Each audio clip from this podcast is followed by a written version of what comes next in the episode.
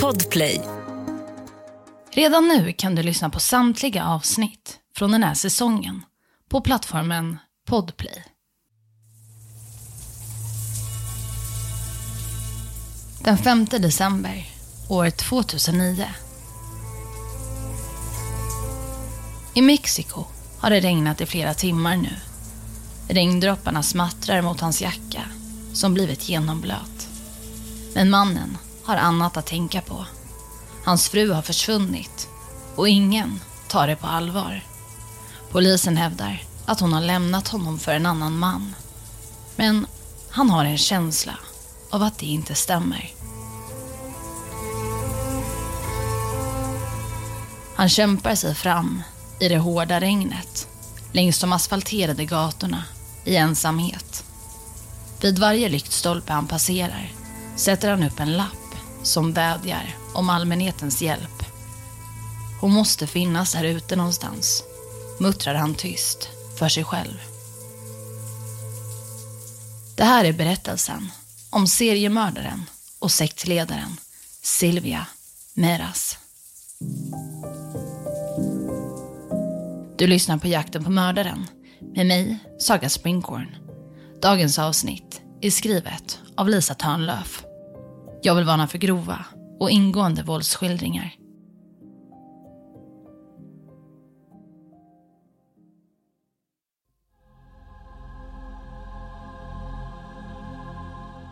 Ett människooffer är när en person dödas som en del av en religiös eller rituell handling. Människooffer har funnits i olika kulturer runt om i världen och syftet kan variera. Men det vanligaste motivet är att offret ska blidka en gud eller gudinna eller för att få en gudomlig belöning. Människooffer har funnits sedan urminnes tider och kan härledas tillbaka till de tidigaste civilisationerna i historien som forntida Egypten och Kina. Vanligtvis utfördes dessa offringar av andliga ledare på uppdrag av stammar.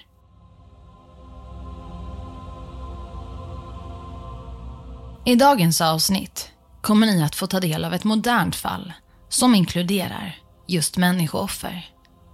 Dagens fall inkluderar ett flertal mord som inträffade mellan åren 2009 och 2012 i den mexikanska delstaten Sonora. Den som var ansvarig för dessa människooffer var Silvia Meras, som av religiösa övertygelser begick dessa mord.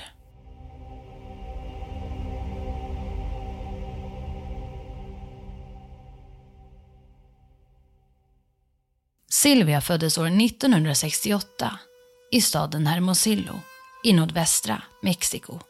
Hon hade en svår barndom. Hon växte upp i ett utsatt område och familjen hade det mycket fattigt. Vid 16 års ålder födde Silvia sitt första barn. En son som hon döpte till Ramon. Sonens far är fortfarande okänd. Efter några år träffade Silvia sin första make, Martin Lopez, och tillsammans fick de sonen Ivan. År 1991 flyttade Silvia, Martin och deras två söner till gruvstaden Nakosari de Garcia, belägen nära bergen längs den motorväg som sträcker sig till gränsen mellan Mexiko och USA. Inom några år fick hon och Martin ytterligare barn, två döttrar, som de döpte till Francisca och Georgina. Silvia födde ytterligare ett barn år 1997, då 29 år gammal. Hennes dotter fick namnet Silvia efter sin mamma. Någon gång mellan åren 1991 och 2009 separerade Silvia med sin make. Det är på grund av begränsad information svårt att avgöra exakt när förhållandet tog slut. Efter separationen inledde Silvia ett förhållande med en man vid namn Eduardo. Eduardo hade ett barn från en tidigare relation vid namn Martin Rios. Silvia och hennes familj levde i extrem fattigdom, utan tillgång till varken vatten eller elektricitet i deras förfallna bostad. För att skydda bostaden hade familjen två aggressiva hundar som vaktade. I bostaden bodde ett flertal personer. Eduardo och sonen Martin. Silvia med sina tre döttrar och två söner.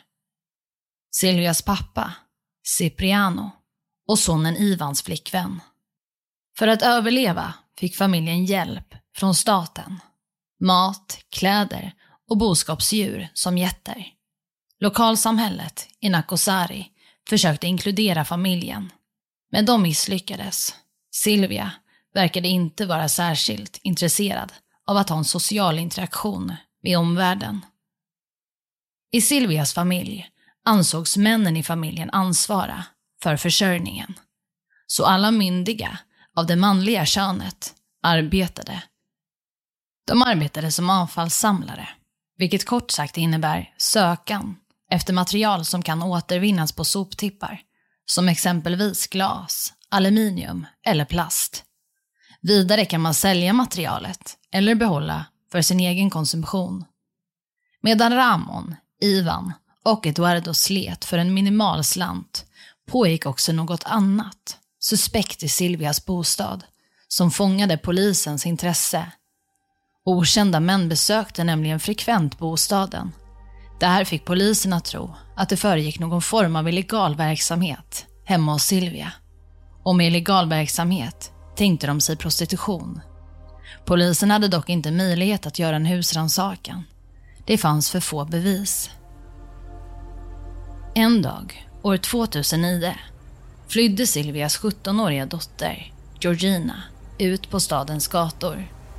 Hon träffade då en 48-årig man, stadens smed, Martinez. Martinez la först märke till hur ovårdad Georgina såg ut att vara. Han valde att ta sig an henne och hjälpa henne. Vid det här laget var Georgina gravid och i behov av stöd, vilket hennes egen familj inte kunde bistå med. Pappan till barnet var en okänd man. Martinez fick lära Georgina om viktiga förberedelser inför förlossningen. Hur man tvättar och håller god hygien.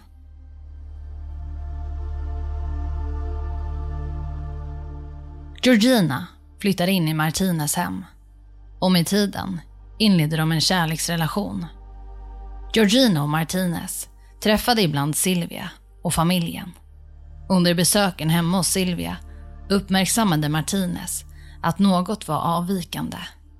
Silvia och hennes pojkvän Eduardo betedde sig respektlöst och oempatiskt gentemot Georgina och Martinez. I stugan som Silvia och hennes familj bodde i fanns det ett altare som Martinez lagt märke till. Altaret var ägnat åt att dyrka kultbilden Santa Muerte.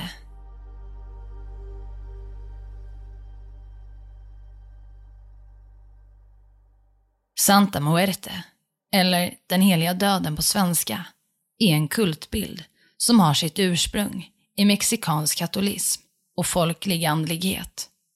Santa Muerte avbildas som en skelettliknande kvinna, vanligtvis klädd i en röd klänning och blå mantel med en krona på huvudet.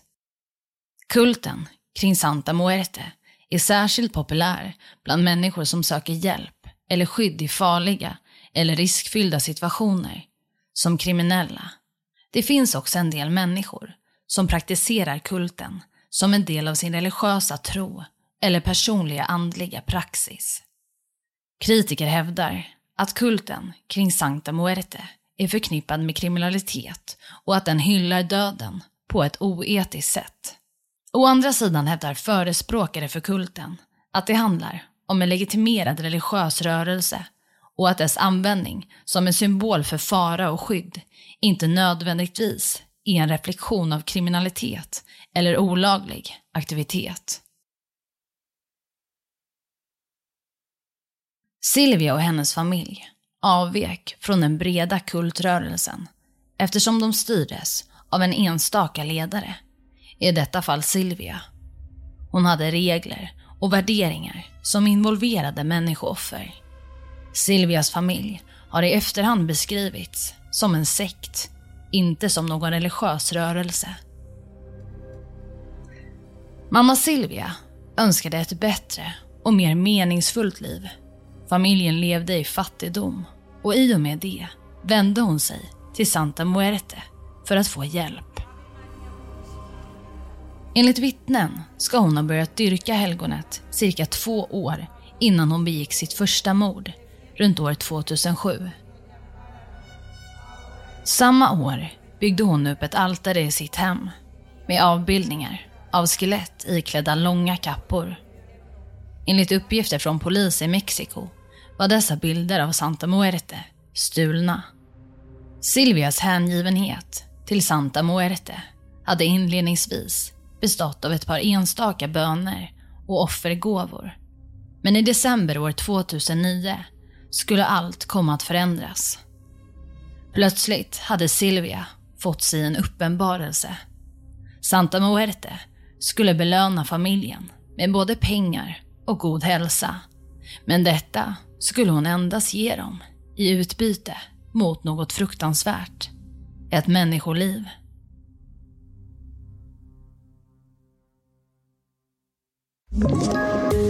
poddtips från Podplay.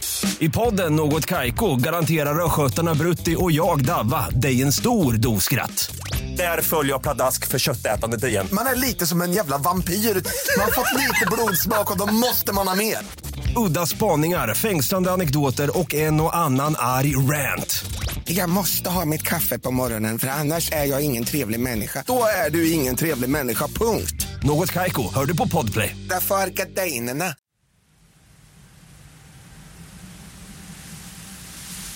6 december år 2009. Nacosari de Garcia, Mexiko. Vinden flyger in över den ödsliga lilla staden och på sin väg längs de tomma gatorna ser den till att ta med sig de sista löven som motsträvigt försökt hålla sig längs trädens grenar. En ogenomtränglig kyla gör sitt intrång i den redan kusliga atmosfären som omger Silvias bostad. Enligt henne själv verkar allt indikera att Santa Muerte är närvarande. Plötsligt hörs ljudet från ett par dova knackningar. Hon är här, mumlar Silvia och går sakta men säkert mot dörren. Utanför den nedgångna stugan, upplyst av fullmånens starka ljus, står en kvinna i 50-årsåldern. Hon heter Clotilde och är en av Silvias närmsta vänner. Ikväll har hon blivit inbjuden på middag hemma hos Silvia. Men Clotilde kommer inte bli bjuden på någon middag. Silvia har helt andra planer. Hon ska få sin önskan uppfylld och Clotilde ska offra sitt liv. Det tar inte lång tid innan Silvia slår till. För på golvet i hallen har hon lagt en pengasedel likt ett lockbete som hon ber sin vän att plocka upp. Clotilde gör som hon blir tillsagd. Men det hon inte vet är att när hon hukar sig ner så står Silvia där bakom henne, redo med en yxa i handen. Silvia svingar yxan mot Clotildes hals tre gånger. För att säkerställa att väninnan avlidit ser hon dessutom till att hugga henne i buken. Nu kan ritualen börja. 55-åriga Clotilde var den första som föll offer för Silvias religiösa övertygelser. Familjen Meras använde hennes döda kropp i en ritual där de gemensamt tömde henne på blod för att kunna offra det till Santa Muerte. Efter genomförandet av ritualen ville familjen göra sig av med Clotildes kropp. Inledningsvis försökte de bränna upp kroppen, men det skulle visa sig att det inte var så lätt som de trott. De bestämde sig därför för att begrava henne. Georgina och Silvias pappa, 88-åriga Cipriano, fick uppdraget att begrava kroppen. Det hela började med att Cipriano gav sig ut på jakt efter en lämplig plats och när han väl hittat den började han gräva. Då graven stod klar svepte Cipriano och Georgina in Clotilde i en filt och därefter kastades hennes livlösa kropp ner i den grunda graven. Vi är alltså tillbaka till början av avsnittet, då Clotildes man desperat letar efter sin fru. Silvia var den överordnade i en mycket dysfunktionell familj och deras familjedynamik följer många mönster som man kan urskilja i andra destruktiva sekter. Silvia var ledaren som med hjälp av manipulativa metoder intalade sina familjemedlemmar att delta i hennes mordvåg. För att inte riskera att bli utesluten från gemenskapen visade familjen sällan tecken på motstånd. Det var lättare att ge med sig. Eftersom Silvias barn varit isolerade från omvärlden sedan dagen de föddes blev detta deras verklighet och inget som de egentligen problematiserade. Och Silvia, som var så övertygad om att Santa Muerte skulle förse familjen med pengar och lycka nu när de begått mordet på Clotilde, skulle komma att bli väldigt besviken.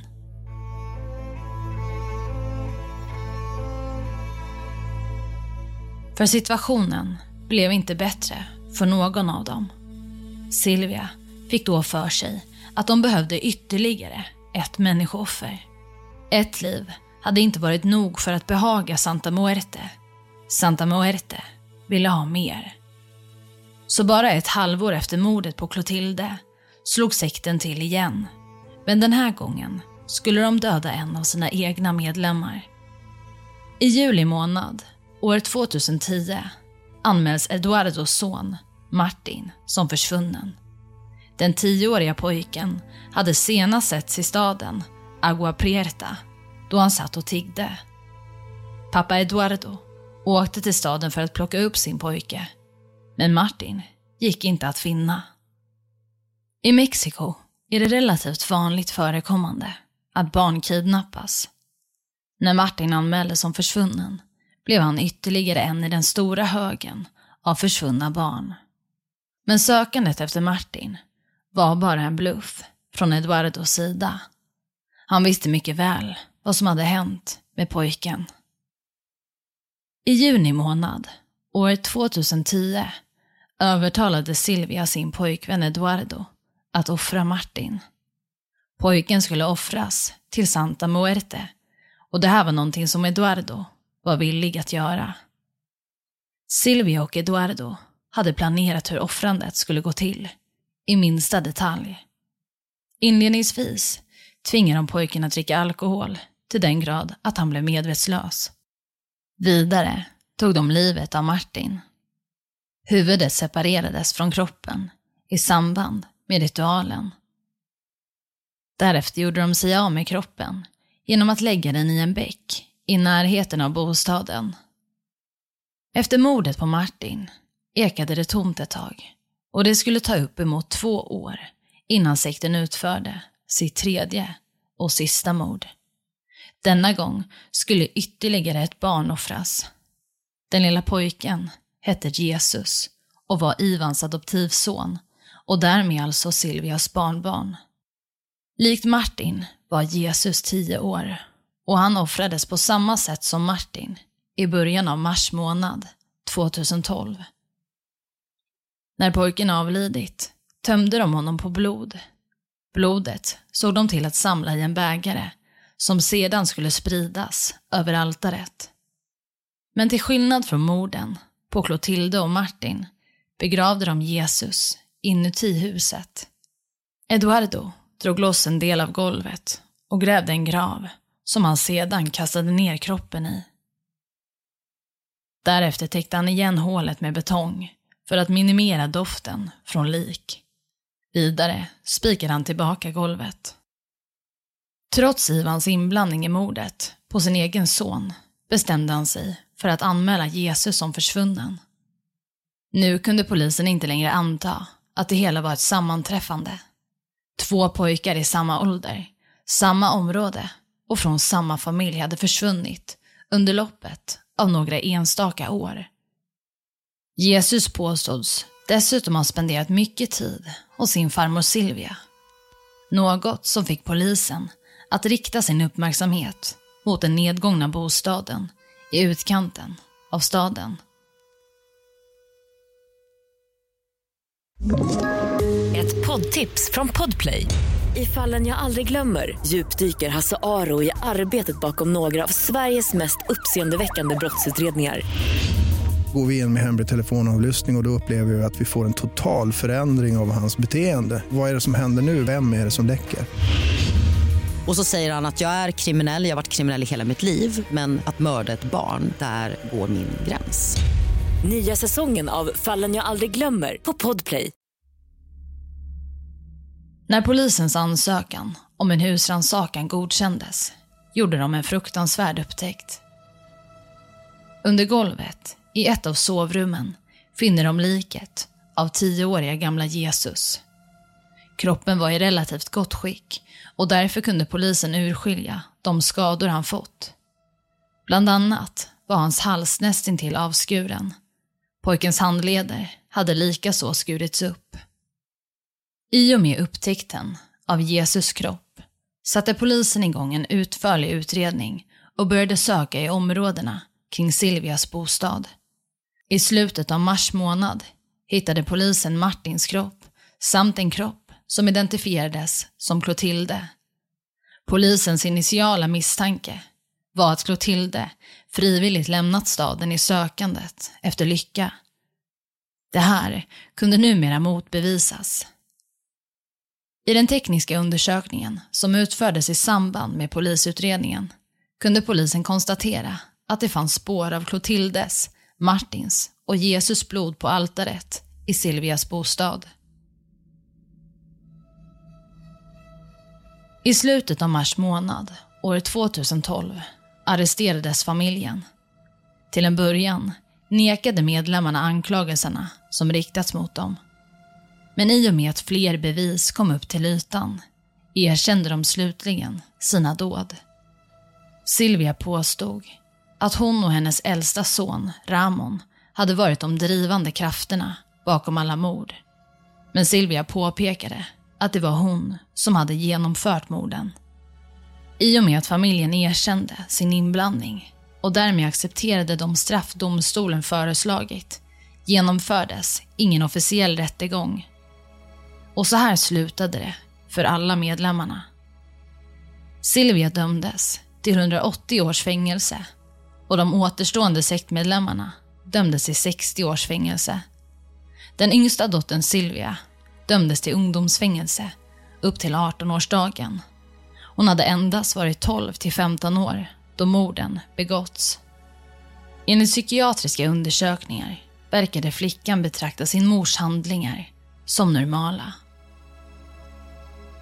Alla medlemmar hävdade att de fått en religiös övertygelse om att Santa Muerte personligen talat till kvinnorna i familjen och bett dem att offra i hennes namn. I och med förhören med alla medlemmar från familjen fick polisen dessutom en bild av hur morden gått till. Enligt de inblandade vittnesmålen så ägde morden rum under natten. Detta för att Silvia ansåg att ritualen behövde utföras under skenet från månen.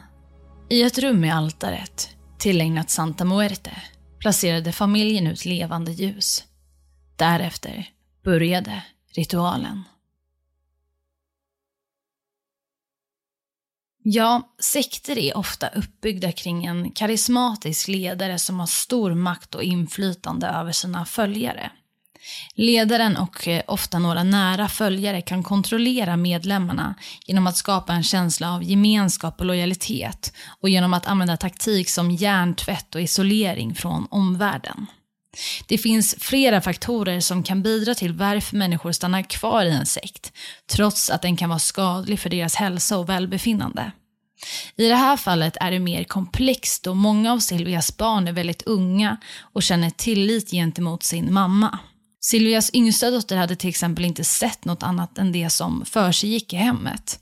Därför var hon övertygad om att det inte var fel att utföra ritualer på det här sättet.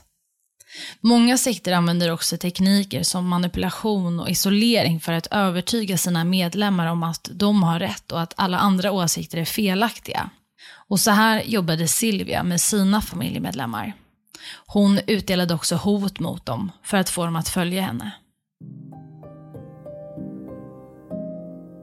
Ja, det här var allt för dagens avsnitt. Vill du komma i kontakt med mig så kan du skriva till mig på Instagram där jag heter Saga Springkorn eller mejla till jaktenpamordaren@springkorn.se.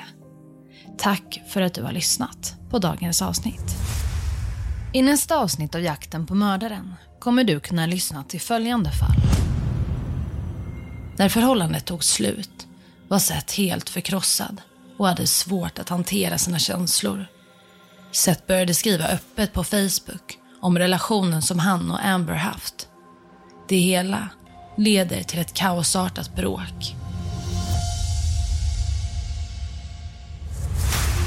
Om du inte orkar vänta och vill lyssna på avsnittet redan nu så kan du göra det helt gratis i appen Podplay eller på podplay.se. Podplay, en del av Power Media. Ett poddtips från Podplay. I podden Något Kaiko garanterar östgötarna Brutti och jag, Davva, dig en stor dos skratt. Där följer jag pladask för köttätandet igen. Man är lite som en jävla vampyr. Man har fått lite blodsmak och då måste man ha mer. Udda spaningar, fängslande anekdoter och en och annan arg rant. Jag måste ha mitt kaffe på morgonen för annars är jag ingen trevlig människa. Då är du ingen trevlig människa, punkt. Något Kaiko, hör du på Podplay. Därför är gardinerna.